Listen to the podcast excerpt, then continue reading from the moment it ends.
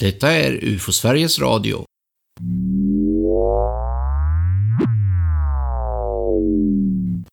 Det var inget UFO över Gälstad. Boende i trakten av Gälstad ringde ett antal samtal till polisen strax efter midnatt natten mot fredagen. De som ringde hade sett ett ljusfenomen, möjligen ett UFO. Det sista samtalet var mera dramatiskt. Nu håller UFOt på att landa. Även om polisen inte riktigt ville tro på detta så skickades en polispatrull ut för säkerhets skull. Patrullen hittade inget UFO. Den enda förklaring som polisen hittade var att det hela berodde på lågt liggande moln som belystes från marken. Förmodligen var det gatubelysning eller strålkastare som reflekterade mot molnet och fick det att se ut som att det var på väg för landning. Förutom polisen underrättades lokal expertis på främmande oidentifierade föremål. Även den här gången kunde konstaterats att det oförklarliga hade en helt naturlig förklaring. Kalla, klara kvällar och nätter kan sådana här ljusfenomen uppstå. Ibland kan det handla om kondensstrimmor från stora flygplan. Riksorganisationen UFO Sverige får många anmälningar som visar sig vara misstolkningar. På sin hemsida delar de med sig av de slutsatser de kommit fram till. Bland annat fenomenet med kondensstrimmor från flygplan är vanliga under vintrarna. Det här kunde man läsa om i lokalpressen dagarna efter händelsen den 31 januari 2003. Nu undrar ni säkert vart Gälsta ligger. Närmare bestämt mellan Mariestad och Tibro, men också mellan Skövde och Töreboda.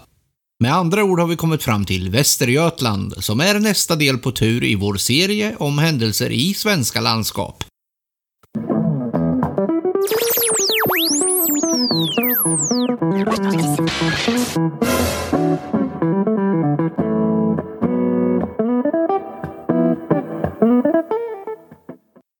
En kväll i början på september 1996 hade jag och en kompis varit och handlat i Tidan.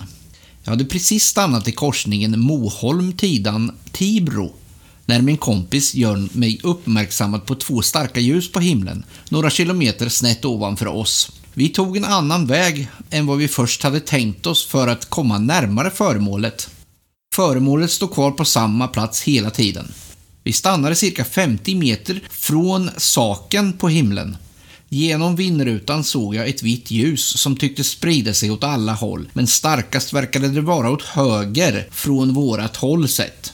Jag kunde inte urskilja någon speciell form, ej heller någon nos eller stjärt, men botten såg ut att forma sig åt det ovala hållet. Hela föremålet var ungefär som en personbil, något större i storleken. Både jag och min kompis var väl medvetna om att det låg en militär flygplats ett par kilometer bakom oss och att Skövdeflyget brukade passera just här. Därför diskuterade vi också alla tänkbara möjligheter, men ingenting stämde in på vad vi såg. Jag stängde av bilen och vi vevade ner sidorutorna för att lyssna efter eventuella motorljud. Vinden susade svagt, men från föremålet hördes inte ett ljud. Jag har visserligen nedsatt hörsel, men vanliga motorljud brukade jag höra. Nu blev vi båda ganska nervösa då vi vevade upp rutorna och jag startade bilen för att köra därifrån. Då plötsligt for föremålet iväg flera kilometer över åken till höger om oss där det tvärstannade igen och stod och gungade upp och ner. Allt gick mycket fort. Vi började köra därifrån, men när vi hade åkt en liten bit såg vi hur föremålet än en gång förflyttade sig och stannade ovanför trädtopparna på andra sidan åkern, för att i nästa sekund vara spårlöst försvunnet. Himlen var åter tom. Jag vet inte vad det var jag såg och jag har ingen som helst förklaring. Det här är en av rapporterna då som den här tjejen lämnar in. Okej, det där var alltså kvinnans eh, skriftliga redogörelse som hon har fyllt i i, i formuläret här då va? Det var direkt taget ur rapportformuläret, ja. Hon eh, uppfattar två stycken rörelser. Det här är alltså något som står stilla först. Och så rör det sig då ut över den här åken. Det går fort. Och så är det stilla. Och sen går det över till andra sidan åken. Ja, det står stilla flera gånger och rör sig emellan då innan det försvinner. Det är så när de det- beskriver det i, i rapportformuläret där. Och när det försvinner, alltså... Det, jag förstod inte riktigt. Är det som om man släcker en lampa? Eller drar det iväg? Ja, Det, den sista rör, det, det, det är nog en rörelse precis som i hela tiden där. Mellan de här stillastående.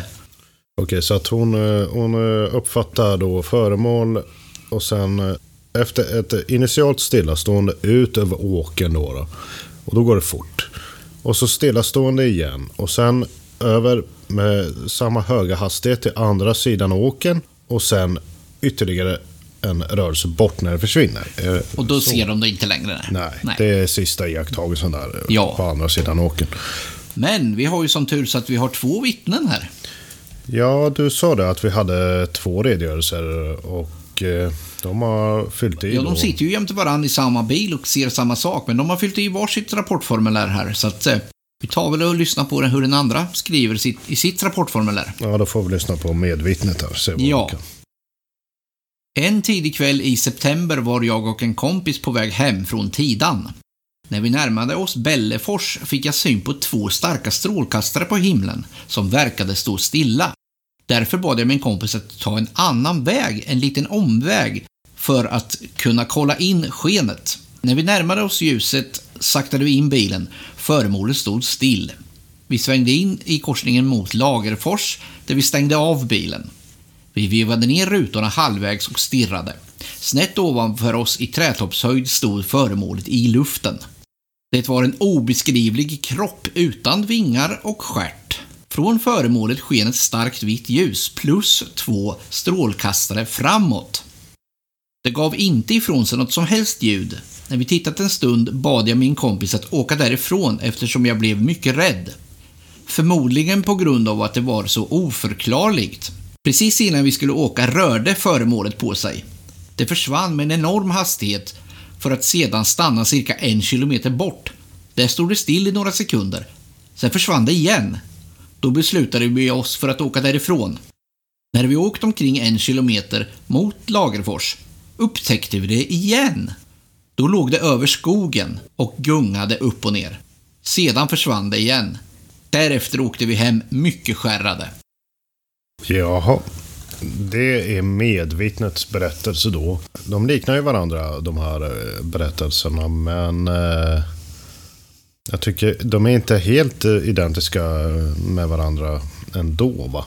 Det första som jag reagerade på här var platsen. Pratade de inte om två olika platser? Det var en korsning mot Lagerfors. Nämnde inte...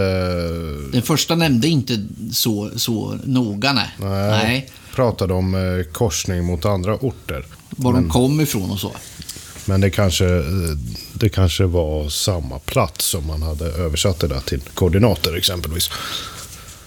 Ja, redan där så märker man ju att folk beskriver saker olika trots att man vet att den är på samma ställe. Ja, det gör man ju faktiskt. Det, det kan ju helt och hållet hålla, hänga på, på ordvalen i de här fallen och vad man väljer att använda som referens i ett sånt här fall. Va? Det kan ju vara en, en busshållplats vid sidan på vägen eller vart man kommer ifrån. Det är ju vilket som. I den andra rapporten reagerar jag på här att hon säger att det var två strålkastare på, Ja. på huvudföremålet som ljus, lyste vitt. Det gjorde hon. Hon beskriver... eh, Ja, det ett- beskriver inte den första observatören. Vi har ju också det här med eh, rörelsen. Den eh, går ju annorlunda till va? I, i det här andra mm, vittnets berättelse. Det första vittnet beskriver ett mera konstant skeende där det, de ser föremålet. Det rör sig ut över den här åken. Rör sig, stannar upp där, sen rör sig till andra sidan åken, stannar igen och försvinner. Men hon nämner ju ingenting om att de sätter sig i bilen och åker iväg igen va? Nej, de, de, själva ivägåkandet skiljer sig lite åt Ja, och i eh, beskrivningen. själva, ska man säga, utvecklingen under eh, alltså själva förloppet där va? Då är frågan, är de verkligen överens om att de själva satte sig i bilen och... Ja, de var ju i bilen hela tiden. De gick ju aldrig ur bilen. Ja, men eh, körde vidare för de stod ju stilla va? Ja, de, de stannade ju och sen st precis när... Vid det tredje... När föremålet stannade tredje gången så sk- åkte de iväg. Då, Och då... sticker de. Ja, och, då, och sen när de är i rörelse då får de syn på det igen. Det är de överens om. Det, det är ingen skillnad däremellan. Den uppfattningen får jag när jag läser det hela. Och sen så försvinner det bort. Ja, Den sista gången. Då sticker det för Ja. tredje gången där. Däremot är det ju svårt att avgöra om det försvinner för gott eller om det är, om det är någonting som kommer i vägen. Det, Ja. det säger de ju inte. Det, det kan ju vara en eh, svår, svår Ja, det kan ju vara en orsak att de själva är i rörelse. Precis, om de kör framför... eh, Ja, för de, båda be- beskriver ju att de blir skärrade och rädda då. Ja, just det. Så det kan ju ha effekt på det hela. De, de har ju också olika uppfattningar om hur långt och sådär den här åker.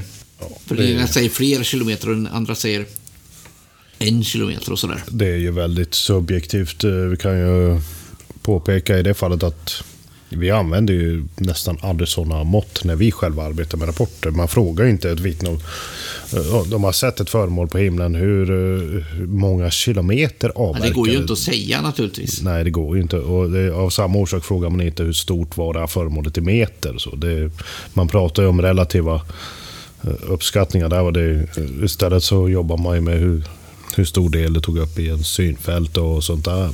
Men eh, har, det, har det gjorts någonting här i fallet då? I rapport?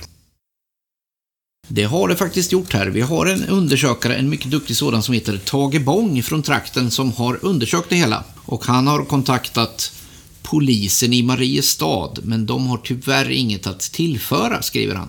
Platsen för observationen ligger cirka 30 kilometer öster om Skövde flygplats och där verkar det ej ha varit någon aktivitet. Det skulle ju kunna bero på att, det, att den här observationen hände på kvällstid. Skövde flygplats är inte så speciellt stor och det går inga stora passagerarflygplan där. Men eh, de har bara uppgett tiden som kvällstid här. Eh, Vi har ingen närmare Nej, tidsangivelse. Men eh, det är ju samtidigt så att eh, vi har ingen eh, specifik eh, tidsangivelse i den här rapporten. Utan de har helt enkelt endast uppgett att eh, det inträffade just kvällstid. Ja, tyvärr är det ju så. Det är ju lite problematiskt tyvärr när man eh, ska undersöka exempelvis då flygtrafik. Då vill man ju gärna ha en eh, så exakt tid som möjligt eller i annat fall en, en god uppskattning om vilken tid på dygnet det har inträffat. Men visst, eh, som du säger, Skövde kvällstid. Det händer kanske inte så jättemycket på den flygplatsen eh, på kvällarna. Nej, och vad heter det, Tage Bång hade ju varit i kontakt med dem och, och kontrollerat. Det är ju inte som idag när man direkt kan gå in på Flight Radar och kolla. Det är mycket enklare nu. Ja, så är det ju. Och då får man väl anta att hade de haft någonting överhuvudtaget under kvällen så hade han eh, fått uppgifter om det när han pratade med dem. Så då kan vi nog eh, utesluta att det här skulle ha med, med flygplatsen att göra. Då. Ja, och tillägga ska att det ligger ett, ett äldre militärt flygfält bara en liten bit, någon kilometer ifrån platsen då, som, som har tillhört F6. Men eh, det är nedlagt vid den här tiden då. Det finns inget som tyder på att det skulle ha varit någon aktivitet där. Nej, Men det var väl den som de tänkte på, observatörerna där. de nämnde ju att det, eh, det fanns ett flygfält eh, där ja. Så det, det hänger väl ihop. Tage har eh, lagt till en bedömning av sin rapport här efter att han har undersökt så mycket han har kunnat göra. Då, och då skriver han att den är svårbedömd och svårkollad. Det här fallet eftersom det inte finns något för varken datum eller tid. Då. Men flickorna är intresserade av UFO-frågan och har nu blivit medlemmar i föreningen, i Skaraborgs UFO-förening. Så något bra har han ju gjort där då, Tage, genom att få med dem där. Det vart ju en rekryteringsprocess om inte annat. Men kan man göra något av en sån här? Nej, det är ju som han skriver där. Även datumet är naturligtvis någonting som man behöver säkert. De hade ett ungefärligt datum här va? Och det får man ju spela på i sådana fall. Men eh, det, det är ju det är lite chansartat naturligtvis. Så att jag skulle nog hålla med om, om att det, det är svårjobbat. Svårt att Men skulle det kunna väga upp att de är två på något sätt? För vi vill ju gärna ha fler vittnen till rapporterna. Ja, men det gör det ju, tycker jag. Det är alltid bättre att ha två vittnen lika med fyra ögon snarare än... Men flera vittnen i förhållande till ett sak, ut, uteslutet datum eller ett saknat datum. Jag har nog hellre ett vittne och ett exakt datum än två vittnen och ett osäkert datum. För att det, det blir ändå väldigt svårt att, eh, att utreda rapporter och göra de här önskade kontrollerna. Så en fantastisk händelse med många vittnen som är trovärdiga skulle inte hålla om det inte finns ett datum. Det är Alltså spekulant, det, det, det är jättesvårt att, att dra någon generell linje där. Visst har man 15 oberoende vittnen av varandra som beskriver samma sak så har man ett lite annat utgångsläge. Men två vittnen i sällskap med varandra, det, det ger inte riktigt eh, samma tyngd, även om det är bättre än ett ensamt vittne. Jag, jag vågar inte sätta någon, någon generell eh, riktlinje där. Det, det får nog övervägas från fall till fall. Nej, jag tror inte vi kommer så mycket längre i, i tankarna, idén om, om den här händelsen. Eh, lite kul beskrivning i alla fall och, och eh, bra att eh, Tage som ju än idag är styrelsemedlem i, i vår förening eh, gjorde det han kunde i fallet.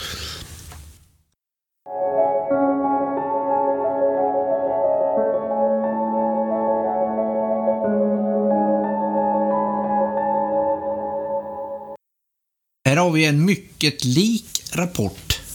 En observation från den 21 juni 1998. Det är också två tjejer som ser någonting i trakten kring Töreboda. Och vem är handläggare här då om inte Tage Bång igen? Men istället för att jag ska läsa två stycken rapporter så kan vi ta den här artikeln som skrevs i Mariestadstidningen dagen efter händelsen. Var det ett UFO?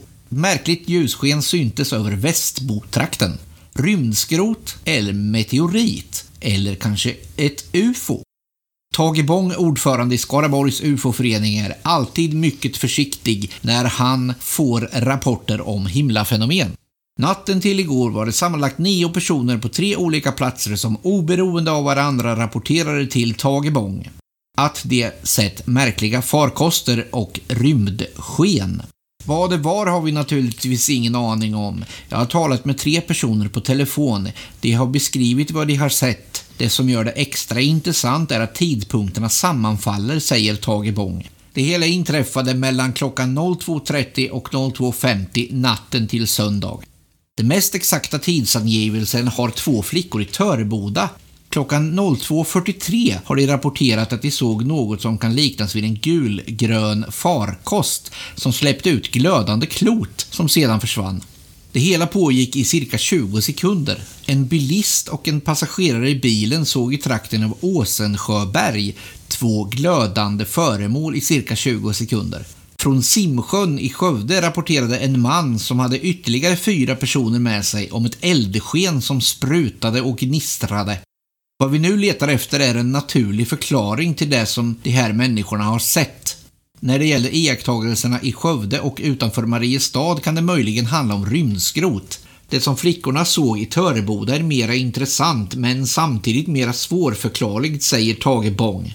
Frågan är om andra människor också lagt märke till något konstigt vid den här tidpunkten. Alla de här observationerna sammanfaller då i tid enligt eh, den goda... Ja, det är ett spann då på 20 minuter. Ja, men det, det får man ge och ta. Alltså vittnesuppgifters eh, uppskattning av tidsangivelser är alltid lite, lite vanskliga efterhand. Då, då ligger de ungefär eh, runt samma tid på kvällen. Och de beskriver ett eldsken och ett föremål som det gnistrar om och så vidare. Ja, jag tycker att det låter ganska mycket som antingen det de har föreslagit i, i artikeln här, ett återinträde av rymdskrot, eller en meteor. Tage Bång här, han vill ju gärna skilja de här rapporterna åt. Ja, Det är svårt. är- Jag skulle nog inte kanske göra det utan, utan att veta mera. nej, jag skulle vara väldigt försiktig med det. Eh, Jag har sett flera rapporter om eh, ja, vad man kan kalla för massobservationer av just återinträden av rymdskrot och bolider, eh, ljusstarka meteorer. Och det finns eh, exempel där enstaka vittnens beskrivningar av vad som högst sannolikt är samma fenomen avviker väldigt tydligt från den generella mängden. Så att eh, ja, jag skulle behöva väldigt, väldigt goda belägg för att eh, betrakta det som en egen observation. Men eh, i, i ingångsskedet så kan det naturligtvis vara, vara klokt att... Och i en sån här artikel som jag precis läste där så är det ju väldigt... Man har ju plockat ut information, alltså det, det är ju väldigt tunn. Det blir ju inte alls samma sak som att läsa de här rapporterna som Nej. de har skrivit men, och kontroller och sånt som har gjorts. Man får ju bara en en liten, liten överblick av vad som har hänt. Det blir ett axplock och man eh, får inte helhetsbilden. Så att det... Så av den här lilla informationen som jag läste nu så, så kan man ju inte egentligen göra så mycket. Nej, man får bara komma med lite lösa förslag helt enkelt som vi, som vi har gjort här. Och det är väl det som ofta är intressant för en vanlig typ dagstidning som tycker om att skriva lite om sådana här fenomen. Man får en rubrik och man får en liten spännande text. Men man får ingen förklaring. För att de är, den är övergående. Ja, Några då- dagar efteråt, här när Tage Bong kanske har hittat vad det var, då är det inte lika roligt att skriva en förklaring. Nej, de, de uppfyller sina syften och det är att eh, underhålla läsarna. Och kan man göra det på ett enklare sätt än att presentera en utförlig analys så, så gör man naturligtvis det från tid, tidningarnas syfte. Och det, det är väl ingenting man nödvändigtvis behöver kritisera dem för heller. De har ju en annan agenda. Ja, absolut. Och de hade heller inte...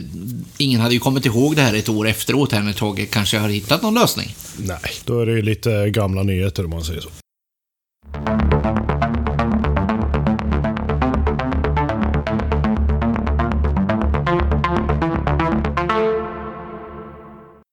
Ja, då ska vi förflytta oss till en annan del av Västergötland. En annan ort. Eller är det kanske en plats? Ja, vad säger du Anders? Ja, det är snarare en, en plats, ett berg, Hunneberg. Och det ligger ju strax öster om Vänersborg, vid, vid Vänerns sydspets. Och vad är det för spännande som har hänt där? Det var i slutet av juli 1988 som en man var ute och cyklade på en väg i, i skogen uppe på Hunneberg. Och Hunneberg är ett platåberg som i genomsnitt är ungefär 90 meter högt.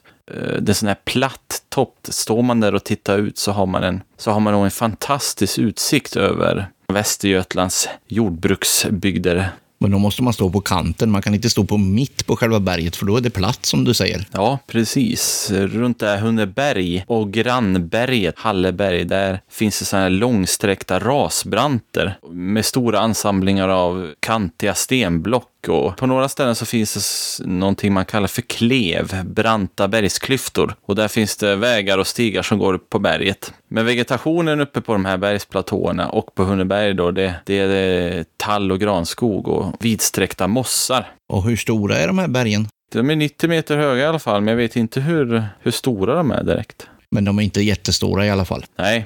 Men det hände någonting där 1988 sa du? Ja, i slutet av juli, då var det en man som var ute och cyklade på en av de här vägarna som går genom skogen. Eh, och då såg han någonting mörkt som låg ute på en eh, flytmosse ett tiotal meter eh, från vägen. Och han stannade cykeln och så hade han med sig en sån här kikare som kan vara bra att ha när man är ute i skogen. Och så tittade han i den och då såg han att det var en älg som låg där ute. En ung älgtjur visade det sig vara, som var död. Fyndet av den här döda älgen, det påkallade uppmärksamheten av eh, jägmästaren Uno Gunnarsson. Eh, för det som är speciellt med att vara älg just på Hunneberg, det är att Halle och Hunneberg, de är kända som älgens berg. Det är eftersom det här området har varit kronopark sedan 1300-talet. Kronopark betyder att marken ägs av kungen och att det bara är kungen och dennes jaktlag då som får jaga på sådana marker. Så när man hittar en död älg 1988, då är det Gunnarsson som kommer ut. Han som har tillsyn då av kungens jaktmarker. Alltså vem som helst får inte döda en älg på berget. Nej, precis. Men det var inte jaktsäsong då väl? Nej, det var det inte, utan det här var ju, det här var ju början på augusti. Det är några veckor kvar tills höstjakten ska börja. Gunnarsson, som då ansvarade för tillsynen, åkte ut till platsen. Han fick reda på att de hade hittat en död älg där. Han gjorde en undersökning då, och, men hittar inga synliga skador på älgen, förutom att älgens fyra ben av någon okänd anledning hade knäckts. I samband med det här fyndet då, då påkallades även polisen i Vänersborg. Så Gunnarsson hade med sig Lennart Karlsson, polis från Vänersborg. Och Karlsson kom att skriva i sin rapport senare och jag, jag citerar vad han skrev här då. Omständigheterna kring älgens död är underliga. Den låg på marken med alla fyra benen utsträckta. Djuret har inte utsatts för beskjutning och den är inte heller trafikskadad. Det var även en tredje part med ute på platsen när det begav sig och det var lokaltidningen Ela, Älvsborgs läns tidning. Det var dess fotograf Ulf Svedjeland som var med och den här Svedjeland han tog flera bilder på älgen varav en publicerades i tidningen då dagen efter att man hade undersökt det här då. Och den här bilden föreställer älgen liggandes på rygg med benen utsträckta från kroppen. Och man skriver i tidningen att älgen hade upptäckts på det sättet och att det var ett mysterium vad som hade hänt. Texten tryckte på att benen var mystiskt avbrutna och att lederna var splittrade av en okänd kraft. Och det var det som var orsaken till att det var mystiskt, att man kopplade ihop det med något annat. Ja, det här var ju väldigt konstigt eh, i och med att man inte kunde fastslå eh, omedelbart vad som hade hänt med den här älgen. Och i och med att eh, man skrev om det här i tidningen så vart det ett jädra halabaloo. Och man kunde kanske säga att det var jägmästaren själv, Uno Gunnarsson, som orsakade det här. För han, han kommenterade älgens död i tidningen eh, med att säga, och då citerar jag här, så här sa han. Det verkade faktiskt som om älgen släpps ner från luften. Och omgående, eh, dagen efter man hade publicerat då Gunnarssons citat i tidningen, så kan man säga att lokaltidningen blev nerringd av läsare som kom med all, alla möjliga teorier om vad som hade hänt. Och en teori som tidningens journalister kom att särskilt fastna för, det var det var det här påståendet att älgen hade släppts ner från ovan av ett flygande tefat. Fanns det någon grund för det påståendet då? Ja, upprinnelsen kan man ju säga, det var att det var en kvinna som bodde in till Hunneberg som berättat att hon veckan innan älgen hittades sett ett eh, mystiskt lysande föremål över berget. Det var mitt i natten, hon hade vaknat av att hennes hund betett sig oroligt. Och då gick hon fram till fönstret och tittade ut och då såg hon över berget hur ett stort lysande föremål eh, som hon beskrev som en jättelik kardborre och svävar ovanför berget så att säga. En stor cirkelrund ljusboll med taggar runt omkring. Eh, och kvinnans observation den kom Älvsborgs läns allehanda tillhanda genom en speciell tefatsförening som fanns på den här tiden. Förening som inte finns idag. En förening som hette UFO luftrumsbevakning. Hade hon då rapporterat till dem? Nej, hon hade berättat för en väninna vad hon hade sett och väninnan i sin tur hade tagit kontakt med Paul Hellberg från södra Dalarna. Och Paul Hellberg var en väldigt aktiv medlem i UFO luftrumsbevakning. Så han begav sig ner till Vänersborg så fort han fick reda på det här för att göra egna undersökningar på platsen där man hittat älgen. Men innan, eh, innan Hellberg begav sig iväg dit så kontaktade han Älvsborgs läns Allehanda och de hakade på. Det här var intressant att skriva om. Dagen efter kunde läsarna då läsa om hur Hellberg hade gått omkring där på mossen med en Geigermätare i handen. Hellberg menade att älgen troligtvis plockats upp av ett flygande tefat och sen dumpats på den plats där den hittades. Det var ingen konstig teori då om man tillhörde UFO luftbrunnsbevakning, för de var deras undersökningar, det gick mer ut på att de var kända vid tiden för att göra sådana här eh, ufo-spaningar. Man begav sig upp till olika berg i södra Dalarna och spanade efter flygande tefat så att säga. Man visste vad man skulle se. Hellberg tänkte väl att radioaktiv strålning, om man fick utslag på det, att det skulle indikera att ett tefat varit på platsen. Och, och, läste man den här artikeln alltså, så fick man ju faktiskt reda på att det blev utslag på den här apparaten. Mätaren visade att strålningen var avsevärt lägre på platsen där älgen hittades än vad den var på andra ställen runt omkring. Och det här slog man upp stort i tidningen. Det blev stora rubriker uppmärksamheten i media gjorde också att det började komma in ännu fler eh, ufo-rapporter, eller ufo-observationer som rapporterades in. Det var människor från både Vänersborg och Trollhättan som hörde av sig, som berättade att de hade sett mystiska ljussken över Halle och Hunneberg. Bland annat flygande eldbollar som skulle ha förföljt bilar längs riksväg 44. Andra hade sett lysande klot lyfta från Vänern till som sen i rasande fart flög mot Dalslandshållet. Och faktiskt så rapporterades det in ufo-observationer under hela sensommaren och hösten där 1988. Och UFO luftrumsbevakningen de anordnar även speciella UFO-spaningar då från Huneberg också. Eh, man åkte upp där på berget och lyste och blinkade med sina ficklampor som man höll i handen, blinkade mot himlen i förhoppning om att tefaten som kom förbi skulle blinka tillbaka. Men nu i efterhand då, om man tar sig tiden att undersöka de här rapporterna som kom in noggrant då, så, vilket vi ju för Sverige har gjort med några stycken, så kan man ju säga att många av de här observationerna som rapporterades in inte alls var ufo-observationer, utan att det mer troligtvis rörde sig om misstolkningar av olika slag. Att man såg stjärnor, planeter eller flygplansljus. Det finns några observationer som är lite mer utöver det vanliga faktiskt än vanliga misstolkningsfall.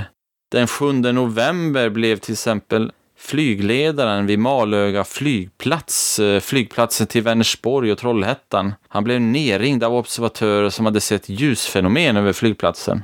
Eh, lysande orangefärgade föremål, något mindre än månen, beskrev man det som. Och då var faktiskt ett flygplan som var på inflygning som meddelade att planet vid inflygningen uppträdde underligt. Det svajade till när det var på väg att landa på flygplatsen. Det gjorde att man fick eh, lov att undersöka planets elektroniska utrustning. Eh, men man kunde faktiskt inte komma fram till vad det var som hade orsakat störningarna. Eh, den här observationen är ganska intressant faktiskt och vad jag vet så vet man än idag inte vad som orsakade störningarna där vid landningen. Men det var till UFO Sverige eller bara till UFO luftrumsbevakning som folk hörde av sig? Det var UFO luftrumsbevakning som, som fick eh, större delen av uppmärksamheten så att säga vid tiden när det begav sig. Eh, UFO Sverige blev mer involverad senare. När intresset för den här älgen då, den kom ju så att säga i folkmund att kallas för UFO-älgen.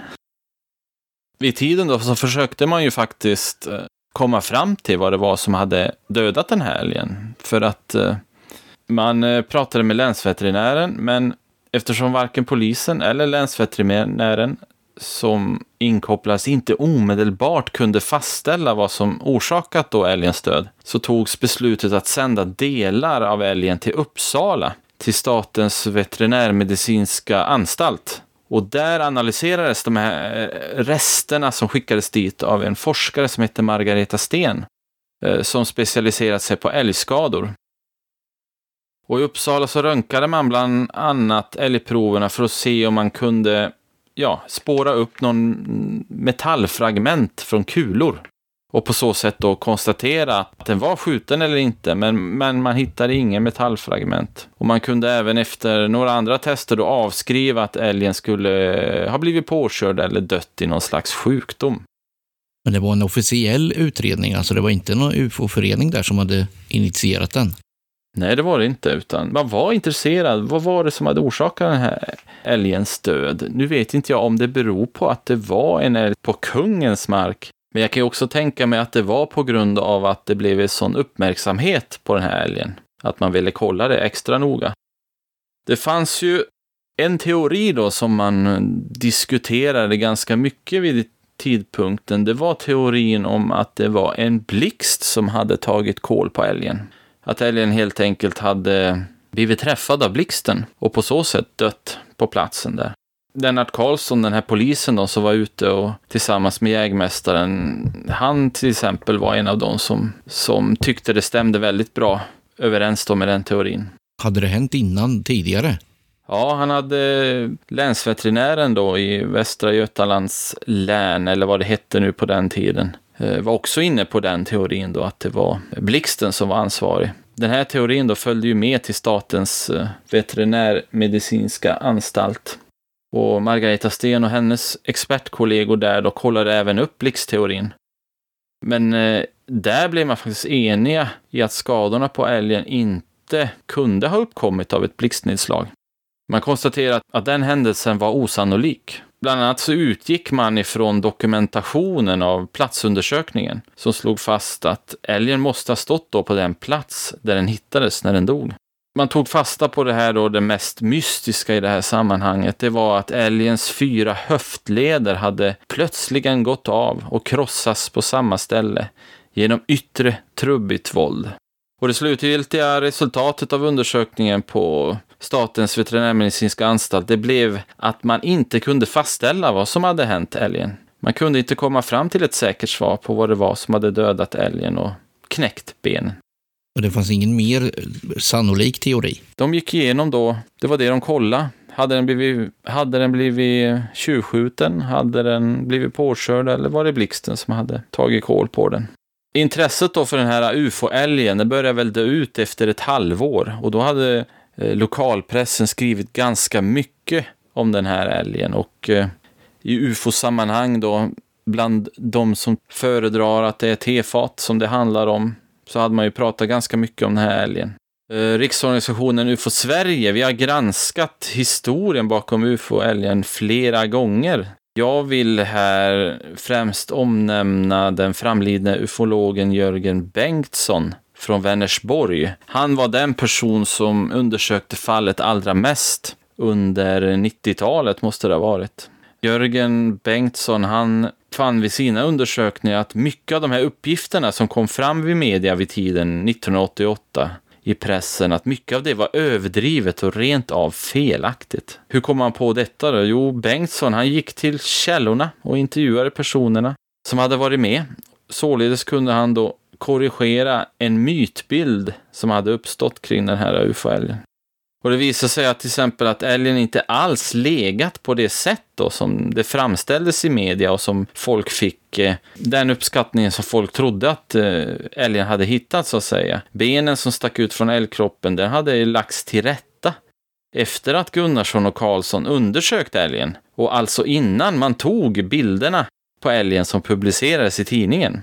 Eh, faktum var att när älgen hittades så vilade den på bröstbenet, vilket också hade dokumenterats av han som hittade älgen, som hade tagit egna bilder. Och, och, det fanns till och med spår i terrängen runt om den här mossen som indikerar att älgen hade rört sig av egen hand. Hade, att den hade helt enkelt tagit sig dit då, på egen hand. Med brutna ben? Ja, den hade krypit runt där och han som hittade älgen, han såg hur spår i terrängen runt om, det såg ut som älgen hade sparkat med bakbenen i en sån här halvmåneform och knäckt buskar och grenar så att säga. Alltså den hade sett ut att plågats och rört sig. Det måste ha varit ett förskräckligt lidande. Jajamän. Men det här, de här spåren i terrängen, de nämndes ju inte i, i varken tidningen eller i de här proverna då, eller de här, den här rapporten då som de passar väl inte ihop med tefatsteorin? Nej, precis. Dessutom så kom Jörgen Bengtsson, han kom fram till att älgen hittas flera dagar innan det datum då som påstods ha varit datumet för fyndet.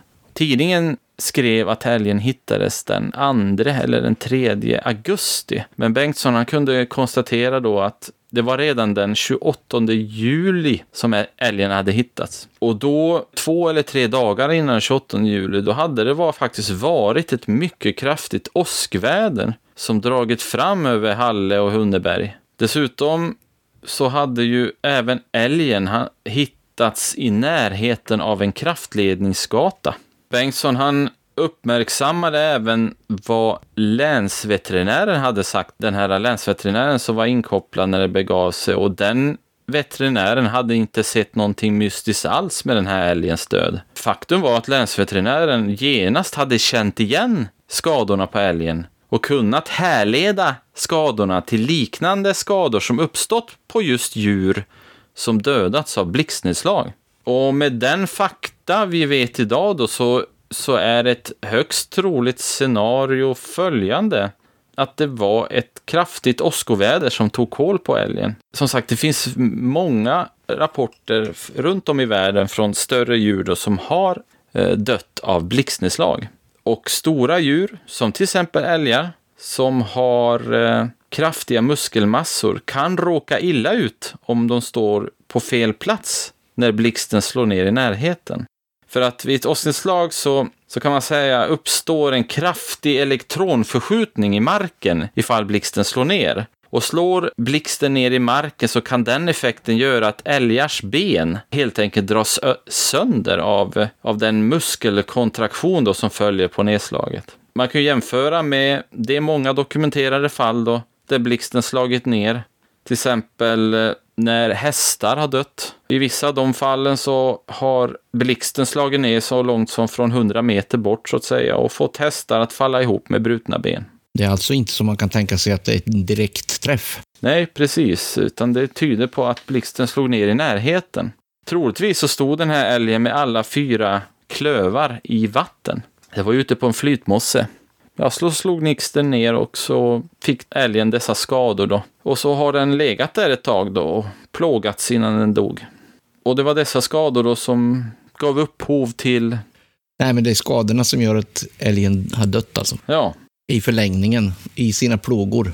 ja. Och att det skulle handla om att älgen har... Men hur, hur eh, tog eh, UFO Luftströmsbevakning det hela då? Blev de besvikna när det inte, när det inte var något flygande tefat? Jag vet inte riktigt hur de officiellt reagerade, men eh, det vet jag faktiskt inte. Men det var väl deras grej att vara ute och spana efter just sådana saker som rymdskepp och UFO. Jämförde väl de, eller de likställde det med eh, flygande tefat. Jajamän, och det finns ju några stycken eh, intressanta observationer från tiden då. Den här eh, jättelika kardborren som observerades över eh, Hunneberg. Ljusfenomenen då över flygplatsen i november 1988. De observationerna är ju fortfarande idag oförklarade. När UFO Sverige började undersöka UFO-älgens öde mot slutet på 90-talet då, och då fanns väl inte heller UFO luftrumsbevakning kvar. Det var ju i slutet på 80-talet och början av 90-talet då som att den föreningen var som mest aktiv. Och vad har hänt med deras material då? Deras material finns väl på AFU? Arkivet för det oförklarade.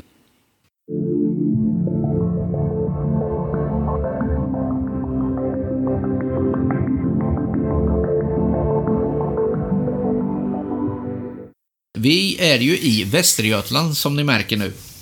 Vi har gått vidare i vår serie om de svenska landskapen. Eh, har vi några mer roliga grejer från eh, Västergötland? Ja, vi har en grej här som eh, är av den intressantare kalibern som eh, jag kom att tänka på direkt när vi sa att eh, vi ju faktiskt har kommit fram till Västergötland. När vi närmar oss Västergötland, det är någonting som vi kan gå in och analysera lite hårdare kanske. Ja, vi får se. Vi ska åtminstone eh, göra en, eh, en presentation av vad det var som hände i det här fallet med en herre som heter, eh, eller hette, jag får för mig att han kanske är avliden idag, Ivar Naumann.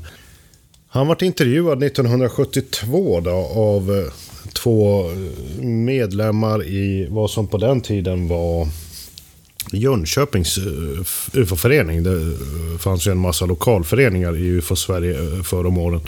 Och han berättade då om en händelse då som inträffade 14 år tidigare, 1958. Det här var i Härja, heter den här. Det är väl mer som en gård skulle jag säga. Härja Riset. Det är som eh, en plats, eh, det, det är inte en ort, det är, det är inte ens en småort. Det är mer av den här gården. Den ligger ungefär tre mil eh, norr om Jönköping. Så det här är en augustinatt då. Klockan är strax efter midnatt, mellan 12, 12 och 1 ungefär. Och Naumann, som är i 40-årsåldern vid tiden, han eh, och hans eh, familj, de har hyrt en, eh, en stuga hos en bonde i trakten. Så de är där under sommaren här och Naumann... eh, Och, Alltså de är inte fast boende där i trakten. Nej, precis. Utan Naumann och hans familj, de bor på... Det ligger som en liten stuga, så har, har bondens hus där intill och så gården med, med bondgård och så. Det är semester så alltså. Ja, det kan man säga. Det, det är som ett sommar... Ja, en sommarstuga. Så Naumann ligger i sitt sovrum som han på något vänster har i köket. Jag uppfattar det väl mer som att han kanske har sängen i köket och inte mycket mer. Man kanske sover i kökssoffan. Så kan det vara. Det har i och för sig hänt förr. Va? Så på något vis ligger han i alla fall där. Och han ligger och läser, har sin pipa till hands. När han då får se ute på gården va, så kommer en, en person och går eh, förbi. Som drar hans uppmärksamhet. Tittar han dit och säger okej, det, det är någon där ute. Han tänker ja men det är väl, det är väl han, eh, bonden, han som de hyr utav. Det är kväll alltså, det är dags för att sova. Ja, ja, klockan är som sagt efter midnatt. Då. Mellan 12 och 1 på natten. Så det reagerar han ju på. Va? Att det, det är lite väl sent för honom att gå på dass nu. Va? För de har ju utedass där. Men, men, naturligtvis. Ser han någon som går där ute så tror han ju att det är bonde. Han vet ju att hans familj, de ligger och sover. Men det visar sig ju snart att, att det kanske inte var det. För han, han tänder på pipan. Va? lutar sig tillbaka igen, tar upp boken och fortsätter läsa det. Men då får han den här känslan av att han eh, är iakttagen. Så han eh, plockar ner boken och då beskriver han i, i sin eh, rapport till eh, UFO Sverige att eh, en halv meter ifrån honom, han har ju fönstret precis intill sig där. Så ungefär en halv meter ifrån så står en, eh, en figur och tittar på honom. Så det eh, som han beskriver i rapporten, det är bara glasskivan som skiljer dem åt. De är liksom precis öga mot öga. Och han tänker ju först, vad är det här? Det är någon som står och tittar in och han tror att det här är en luffa. Någon eh, sån här kringgående som där. Ja, det var ju betydligt vanligare då än vad det är nu. Ja, vi pratar alltså om 50, sent 50, 58 i augusti har han uppskattat. Så visst, det är väl ingen orimlig tanke att det är någon sån här, vad kallar man dem, lösdrivare på den ja, tiden. Som, luffare. Som går runt och, och, kanske vill ha, låna, eh, vad heter det, höstacken och sova på eller någonting sånt där. Så tittar han närmare och säger att det här är, det är någonting som inte stämmer med den här personen. Det, det är någonting, han har någonting på huvudet. Så då säger han, han har, han har någon slags kåpa, någon slags hjälm liknande som omsluter huvudet. Den är som transparent och har någon lätt blåaktig nyans. Och så säger han att den här figuren är klädd i någon overall va, som täcker hela kroppen. Den går upp i någon slags krage upp till. Och så titta, och då eh, först vid det här skedet, han har tittat lite som, på, eh, som han ser att han är väldigt liten den här killen. Han, han är ju bara som en tonårsgrabb. Liksom. 10, 12, 13 år ungefär. Och nu blir han ju lite konfunderad och tänker vad är det här? Men sen så piper den här figuren iväg och då gör eh, Naumann någonting som kanske många andra inte skulle ha gjort. Det är att han, han drar på sig kläderna eller skorna. Eh, framgår inte riktigt hur han var klädd men han, han sticker ut i alla fall. Han tänker jag ska ha tag på den här, vem den är. Men han har inte reagerat, han har inte blivit rädd på något sätt. Nej, inte och i det han tror fortfarande att det är en människa i det här läget. Ja, för historien förtäljer i alla fall ingenting annat. Nej, jag tänker mig nej. att en, en vanlig, normalt när person skulle bli lite skraj i det där läget. Ja, visst. Det kan man ju tänka sig att det här är något främmande, liksom någonting okänt med. Men det, det, det sägs ingenting om det i beskrivningen. Utan han, han tycks mer vara kanske lite konfunderad över vem det är, varför klädd och beter sig på det och tänker att det här måste jag reda ut. Det, verkar mer som att kanske nyfikenheten eh, tar över. Men han tror inte att det är ett barn. Alltså som man ska ju rädda då, någon har, kommit, någon har gått vilse eller så. Nej, nej. Det finns inga sådana tecken. Utan det är mer eh, att han eh, han är mer ute efter att få tag på den här för att... Han vill veta vad det är. Ja, det, precis. Ja, ja, ja. Han vill få klarhet i vad gör den här figuren här. Så han sticker ut och så rundar han gården där. Ska se vart han har tagit vägen. Tittar han längs med, bort med den här vägen då som går, då ser han att där borta är den här figuren. Så han, han börjar löpa efter den riktningen. Han har hunnit en ganska bra bit, va, den här lilla figuren. Så han springer dit, fortsätter längs vägen och då sticker den här figuren vidare ut över ett, ett sädesfält som ligger där. Han viker av från vägen Han alltså? viker av från vägen. Och Naumann sticker efter och fortsätter och då kommer han till en slänt.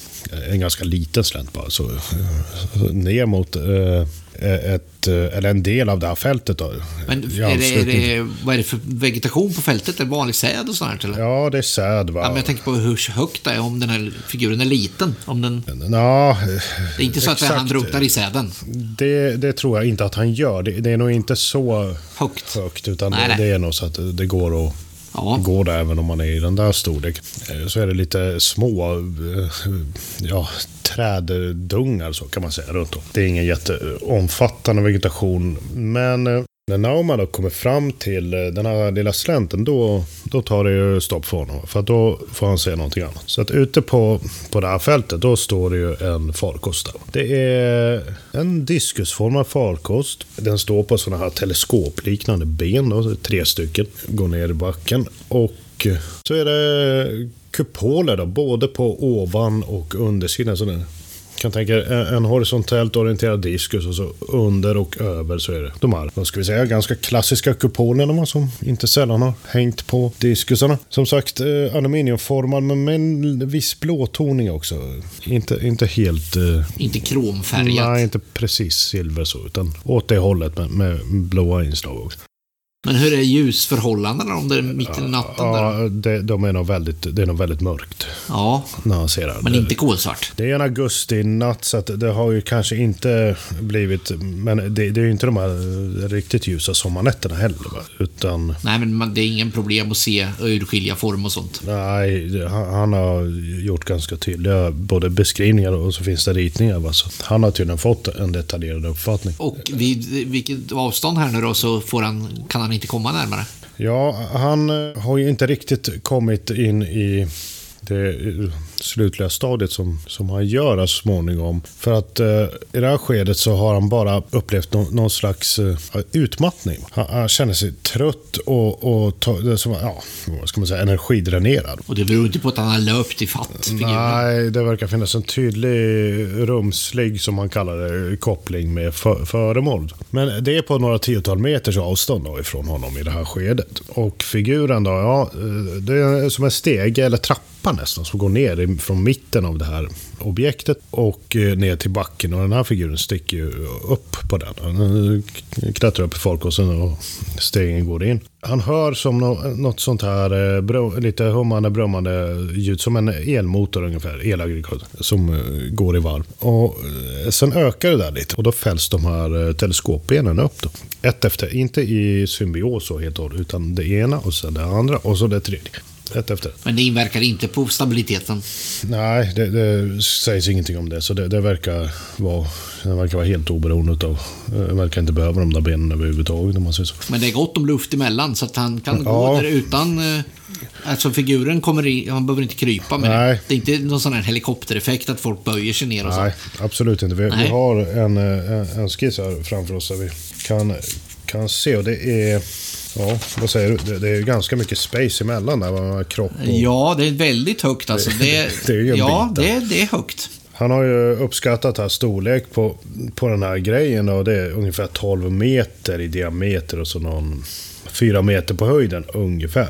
Ja, men det är alltså en 4-5 Men- meter skulle man ju väl säga. Ja. Om bilden skulle vara skalenlig. Här är ju 4-5 meter, men det är ju farkosten. Alltså, Ja, ja, men jag menar luften emellan under, Precis, under ja. till. Ja, Så det är, en, det är en ganska saftig klättring på stegen innan man kommer in. ja, ja, det är inte bara att hoppa. Det är 4 meter ungefär farkosten i sig och så 7 till 8 med de här teleskopbenen. Så det, den dubblar ju höjden på eh, föremålet ungefär.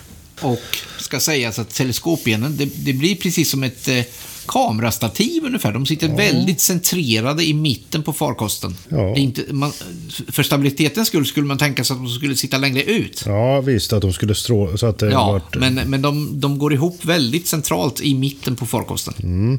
Sen så ökar ju då, eh, när teleskopbenen eh, skjuts upp då och den här grejen eh, svävar istället. Då ökar återigen den här elmotorsliknande, det- det ljudet han hör då.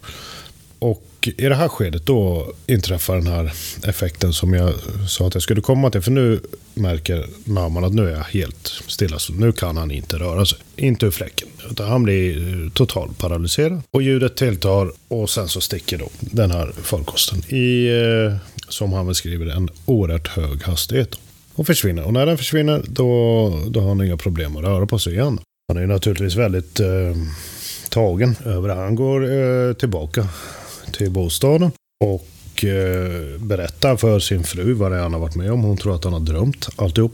Morgonen därpå är eh, bonden då, som de hyr utav, han är uppe och mjölkar kossorna väldigt tidigt. Så när man går ut och, och, och berättar för honom också med en gång. Även han är oerhört skeptisk då, till det när man beskriver först. Men han går motvilligt eh, med på till slut att hänga på bort till Ja, för det är inte så långt bort. Nej, nej, det är kanske, ja, vad vet jag, men 100 meter från ja, yttergränsen. där. Ja, yttergränsen på den här gården. Alltså, Ja. ungefär. Sen är man lite beroende på vart man är, men det, det är inga stora avstånd. Det, det är inom det här området. Så de går dit och de ser ju saker och ting där. Först kommer de till eh, det här eh, sädesfältet. Mm, det ligger precis i anslutning till den här ja, landningsplatsen. Där ser de att det är flera säd. De, har, de är kapade med 10-12 centimeter något sånt, neråt, upp från ner. Som någon har kapat eh, överdelen på dem. Och så går de vidare ut till det här fältet och då ser de ju då. Dels så är det nedtryckt, nedpressad vegetation i en, i en cirkel. Och och eh, vid den cirkeln så har de också då tre stycken en, eh, ganska djupa hål där i, i backen. Eh, som eh, ja, avtryck om man vill. Va? I eh, triangelformation. De är 30 cm djupa ungefär och 20 cm i diameter. Så det, det är ganska stora grejer som har orsakat det där. Enligt Naumann så var det hård, eh, ganska hård terrängmark med mossa och grejer på. Så det, På det är inte platsen. på själva åkern, det är utanför åkern. Ja, precis. Och emellan Eh, ligger då den här slänten. Vi, ska, vi kan diskutera en, skiss som inte läsarna ser, men som vi kommer att se här. Lyssnarna menar du? Ja, just det. Lyssnare är det vi pratar för.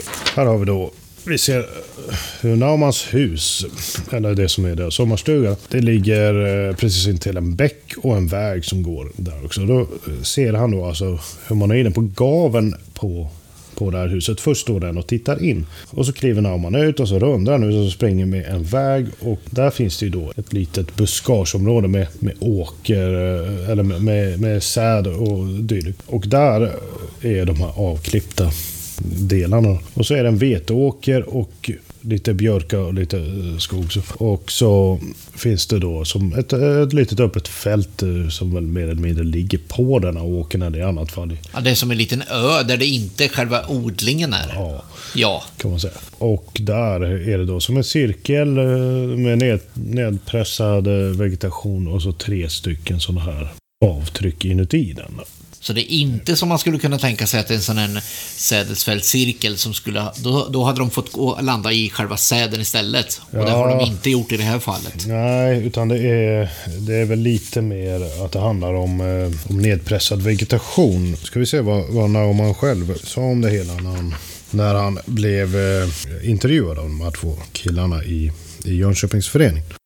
Det här är vad som skrevs då i UFO-information efter de intervjuer som gjordes om hur man hittade de här, de här avtrycken eh, dagen efter. Redan tidigt på morgonen gick eh, herr Naumann ut för att undersöka omgivningen tillsammans med den skeptiske gårdsägaren. Vid Rågåken, där varelsen hade gjort ett eh, kort uppehåll under flykten, det är när Naumann kommer ut och har rundat eh, eh huset och ser honom på avstånd. Så där är han. Då stod ju han stilla vid den här råg, delen av Rågåken.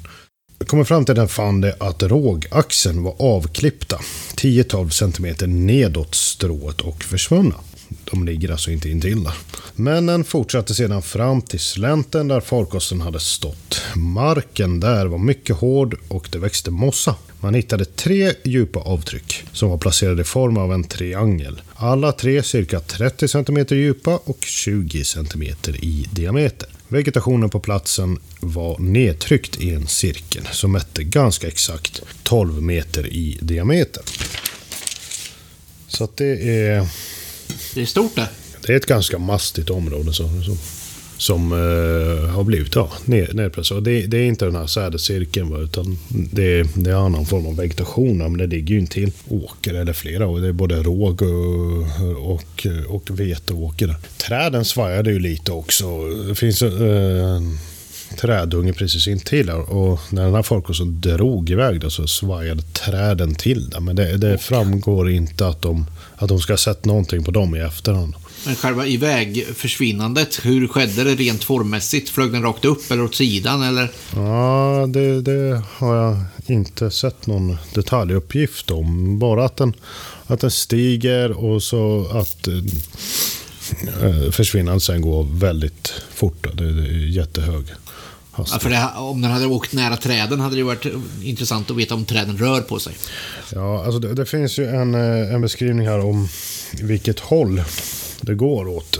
För då har man ju en beskrivning av den här lilla jakten som man tar upp på eh, figuren och så hur du fått står på backen och sen har vi en pil som indikerar mm, att den flyger mot de här åkrarna. Så att någon slags vinkel måste det ju då varit på, Ja, på upp, ja, försvinnandet. Det kan inte ha skett rakt upp. inte rakt upp. Nej. Nej. nej. Men hur, hur nära och, men hur nära och i, vilken vinkel så det, det gick det, det har vi inte någon beskrivning. Men det skulle kunna vara så att den försvinner bortom själva synlinjen ganska kvickt. Ja, det tror jag. Det, det, det tar nog inte lång tid innan, innan han har tappat den när den väl sticker iväg. Det går ganska fort mellan han börjar att känna något motstånd till, tills den sticker iväg. Men då hinner den här figuren hinner klättra upp och gå in och benen dras upp. Men hur, tidsperioden där? Ja, det, det är nog inget jätteutdraget förlopp. Det handlar ju om att om vi tar från att han kom fram till den här slänten då, och när han börjar känna det här motståndet, när han börjar känna att ja, jag orkar inte liksom. Det, det blir en dränering på, på energi där och han börjar känna sig slut till att uh, figuren då klättrar upp och benen dras in. Men han ser hela den sekvensen. Ja, ja, ja, han är med. För han har jagat ifatt den här. Ja. För, då, för när han kommer ut på kvällen där, då, då har ju figuren hunnit en bra bit. Ja, ja, den är ju borta. Han blir lite För förvånad. han måste gå runt för att komma över det här vattendraget. Det är ju intressant att veta om den här figuren har tagit samma väg. För då får han också gå runt. För det var ju, annars så han, måste han ju tagit sig över det vattendraget. Ja. Det är inte lätt att veta hur stort vattendraget är, men det, på den här ritningen ser det ju inte ut som att man, gör, man hoppar längdhopp precis. Nej, precis. Det, Naumann har ju fördelen att han går över en bro, va? men det har ju inte den här eh, figuren. För han... Allt tyder Oj, på att han har tagit den raka vägen, fågelvägen. Precis. Och Och, det är därför han får sånt långt upp försprång. precis. Och kanske antingen hoppat, simmat eller flugit eller vad vet vi över den här bäcken. Men han, på något vis har han tagit sig över den när han eh, har kommit...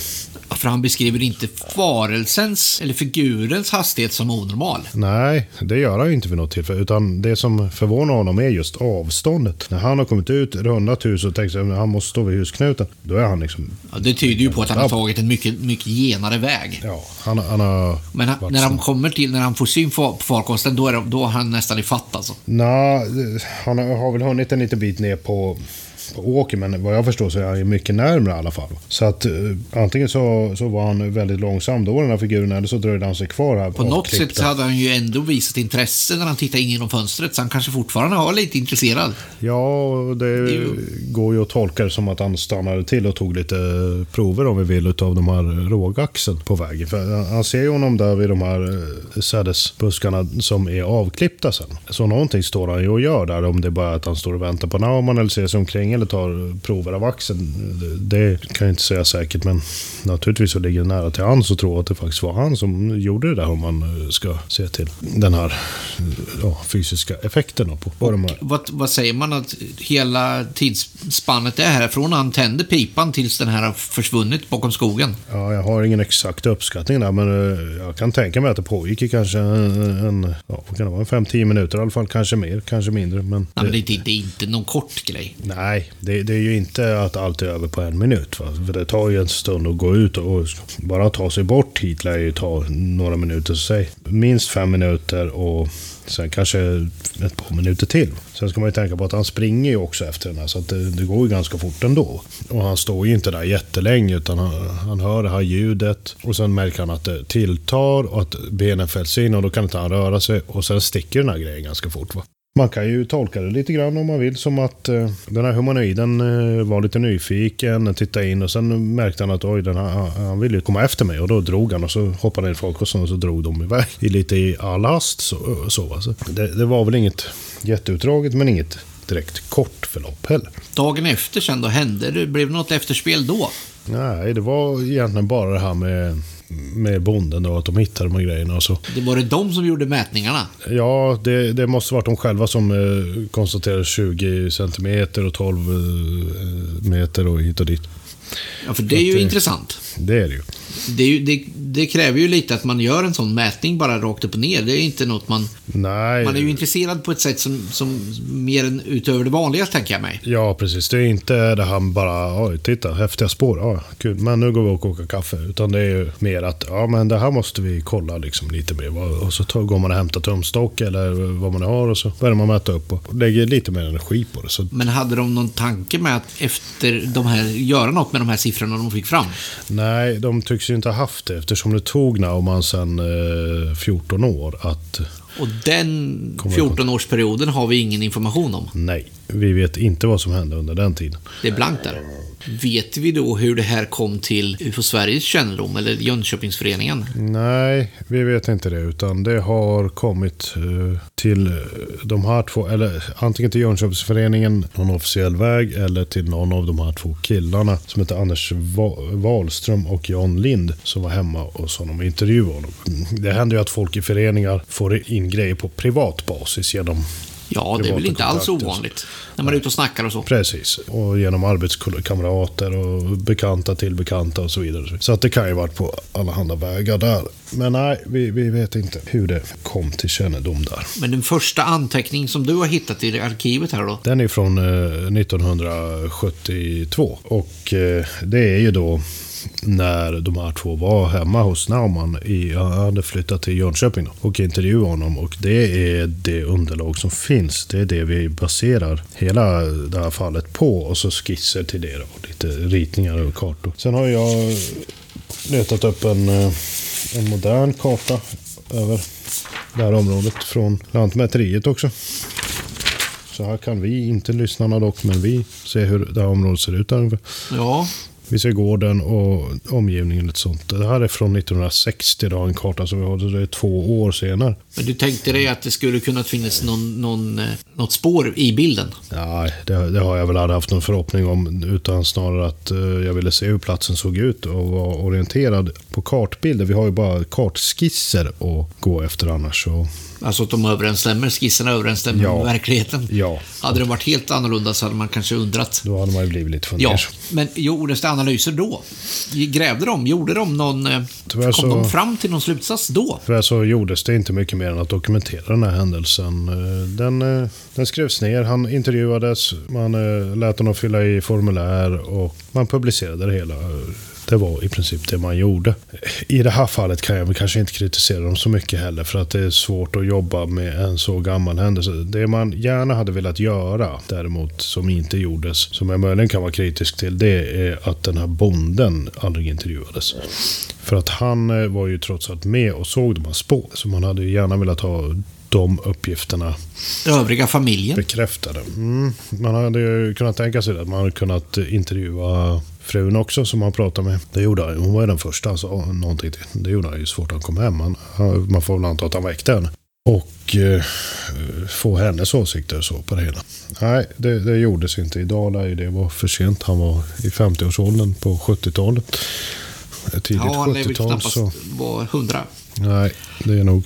Men du har du inte gjort några efterforskningar? Nej, jag har inte gjort så mycket själv med det här fallet utan det har mer utgjort eh, intressant läsning för, för min del och jag tror för de flesta av de nytillkomna i, i föreningen som har kikat på det här fallet. De, eh, vi får in en del, eller om vi säger till de som har, de som har börjat engagera sig de senaste 20 åren ungefär så. För det är ju, Ja, det, är ju, det är ju ett tydligt tecken på att vi hittar de här guldkornen även i gamla grejer som vi inte ja, rakt upp och ner känner till. Det är ju så att det, det, det är intressant att, titta på sådana här fall i arkivet men det, är lite tråkigt också när man, man kommer in här. När man inser Som- bristerna i vad som har hänt. Ja, och inser hur, hur svårt det, är att eh, göra något matnyttigt med, med så här gamla rapporter från 50-talet. Liksom. Men det är trots allt väl värt att de har dokumenterats och eh, gjorts tillgängliga så att man kan ha tillgång till informationen och använda sig av materialet. Du har inte jagat fatt de som undersökte det då. Nej, det har jag inte gjort. Du har inte Jag kollat inte om- hur det står till med dem. Jag vet inte om de är... Om de är med oss längre. Nej, det gör jag inte. Det... Nej, det är, det är ju synd att det hände så, för så pass länge sedan. Ja, verkligen. Skulle det kunna tillföra någonting att åka till platsen idag? Skulle det vara värt att bygga på dokumentationen? Det skulle säkert kunna vara intressant att åka dit och ta lite dagsljusbilder så att man fick eh, en bild av, av det hela. Platsen. jag tänker mig om, om du sa att det var, marken var hård och den har ändå gjort hål som är 30 cm djupa. Ja, Då måste man ju, då, jag tänker mig att det antingen är det ett enormt tryck eller så är den enormt tung den här mojängen som Ja. gör de här avtrycken. ja, ja visst. Oavsett vad det är för avtryck. Jag ska inte säga att det inte skulle ge någonting att åka dit idag utan att uh, ha försökt. Sen är det ju andra komplikationer. Det finns ju en gård intill som vi sa och uh, man får nog anta att det här ligger på privat mark så då måste man ju få medgivande från boende där. Det har vi i och för sig lyckats få förr så det är väl inte omöjligt. Nej, det är ju en ganska harmlös undersökning och vi går över åkern och tittar på en liten plätt. Ja, det är det På det viset. Skulle de här, nu vet ju inte vi hur mycket de är undersökta de här spåren. Nej, det vet Men eh, skulle de kunna vara gjorda av honom? Skulle Alltså, det kunna jag- vara en uppdiktad story? Finns det tecken på att han... Inte, inte som det är känt. Jag har inte själv intervjuat honom. Jag har lyssnat på intervjun. Jag får inga intryck av att han är något annat än en eh, vanlig... Du säger att det finns ljud här nu. Varför spelar vi inte det då här? Nej, det, det, vi, vi satt ju och... och Det är allt för dåligt. Det går inte ens att tvätta ljudet. Nej. Så tyvärr så kan vi inte spela upp något ljud. vi satt och lyssnade på det innan och kom fram till att det här kan vi inte utsätta lyssnarna för. Det blir alldeles för... Även om det skulle varit intressant. Men, men ljudet är så pass dåligt så att... eh, Ja, äh, man får alltså skruva upp till maximal volym och så får man i det allt det bakgrundsbrus som hörs hela tiden försöka höra vad Naumann och intervjuarna säger. Det går när man lyssnar på en dator men det görs ju inte så bra i podd. Nej. Nej, jag, jag kan inte bedöma hans, hans trovärdighet själv. Jag får som sagt bara intryck av att han är en vanlig herre när jag lyssnar på intervjun. Men Han jag skulle blivit- kunna eh, eventuellt gräva i, i hans historik. eh, Med, man skulle prata med, med barn och, och, och kanske barnbarn och sånt där som finns kvar så skulle man ju kanske kunna få sig en bild av hans uppriktighet. Men om vi ska se till spåren i sig då, ja, eftersom de aldrig har presenterats för några utomstående så, va, så det, det känns ju kanske som att det vore lite onödigt om, han, om man tänker sig att han skulle ha gjort spåren i sådana fall. Då, då är väl allting kanske en påhittad historia från grunden. Men- Eller om han, jag tänker, jag kanske hittar spåren och hittar på storyn efteråt. Jag Konstigt. försöker att dra halmstrån här. Konstigare saker Precis som den här varelsen stal lite halmstrån. Ja, han gjorde det. Ja, nej, men så, så vitt det är känt så finns det inga, inget som hyser tvivel kring hans uppriktighet. Men eh, man har inte sagt eh, eller skrivit eh, någonting om, om några intryck överhuvudtaget eller några karaktärsutlåtanden eller liknande. Så vi, vi är ganska blanka på den punkten. Men det är klart man blir nyfiken. Som ufolog skulle jag ju absolut vilja gräva vidare. Mm. Men du tycker att, eller du känner att den här får nog gå till handlingarna som, eftersom vi inte kan komma någon vart. Ja, det, visst. Man kan tänka sig att det finns lite saker man skulle kunna göra här. Just det där med att prata med döttrar. Men är den vinsten i förhållande till det arbete man skulle lägga ner tillräcklig? Det, det finns andra rapporter som, eh, där det finns bättre arbetsupplägg som jag nog skulle lägga mer krut på i sådana fall. Med det skulle det inte vara sagt att det skulle vara förgäves att lägga den, någon tid på den här. Men ska vi ha någon slags prioriteringsordning så skulle jag nog kanske inte sätta den här i topp. Utan den, den är svår, det, det går huvudsakligen att dokumentera den. Men ett speciellt fall och intressant observation från Västergötland. Absolut.